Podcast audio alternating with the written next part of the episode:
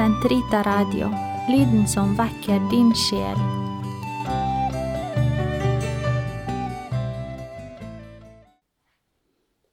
Den katolske kirkes katekisme, uke 16, torsdag 1302 til 1313. Virkningene av fermingen. Det fremgår av feiringen av det som virkes i fermingens sakrament, at det som virkes, er full utgytelse av Den hellige ånd, slik den ble apostlene til del pinsedag.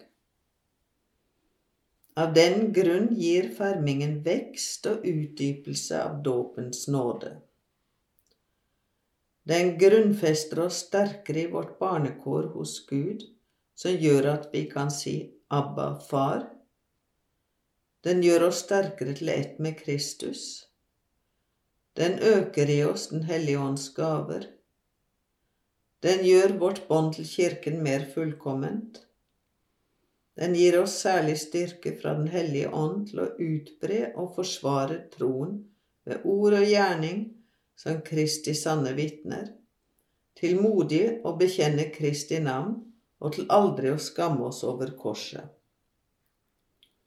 Kom i hu at du har mottatt det åndelige tegn, visdoms- og forstandsånd, råds- og styrkesånd, kunnskaps- og fromhetsånd og Guds frykts ånd, og bevar det du har fått.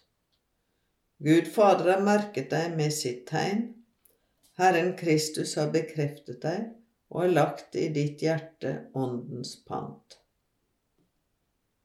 Fermingen, på samme måte som dåpen, som den avslutter, meddeles bare én gang.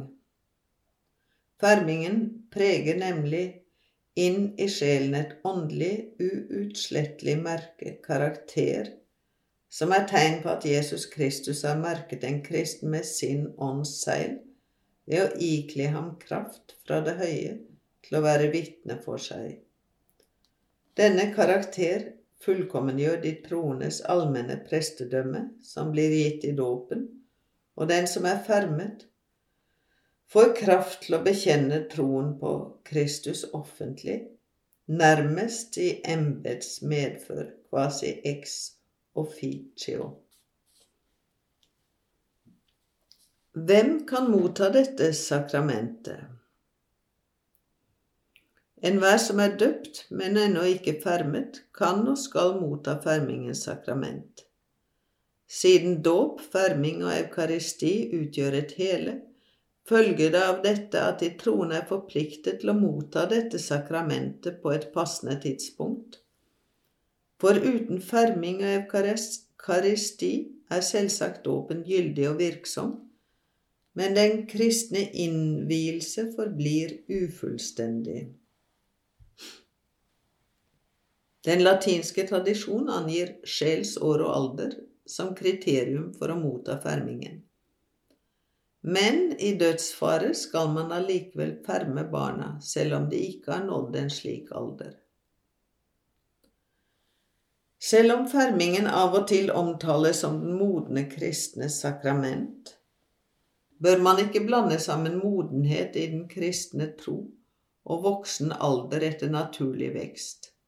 Og heller ikke glemme at dåpens nåde er en fri og ufortjent utvelgelsesnåde som ikke har behov for å bli bekreftet for å være virksom. Sankt Thomas minner om dette. Kroppens alder er ikke avgjørende for sjelen. Slik kan mennesket selv som barn nå den åndelige alders fullkommenhet, som visdommens bok taler om. For Alderdommens ære kommer ikke av et langt liv og måles ikke ut etter antall leveår.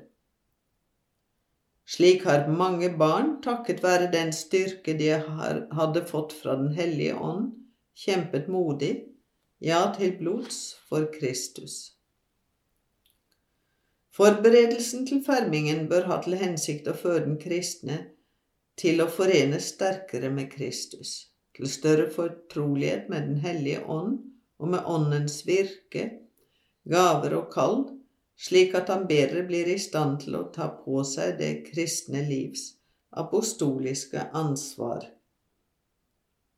Med dette skal fermingskatekesen søke å vekke bevisstheten om å tilhøre Jesu Kristi kirke, både den allmenne kirke og den lokale menighet. Menigheten har et særlig ansvar for fermingsforberedelsen.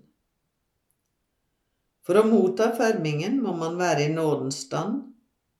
Det anbefales derfor å søke til botens sakrament for å bli renset med henblikk av å motta Den hellige ånds gave. Et mer intenst bønneliv forbereder på å ta imot Den hellige ånds nådegaver og kraft i lydighet og åpenhet. Som tilfellet var med dåpen, bør fermlingen søke åndelig støtte hos en fadder. Det bør være samme fadder som ved dåpen, slik at enheten mellom de to sakramenter blir tydeliggjort.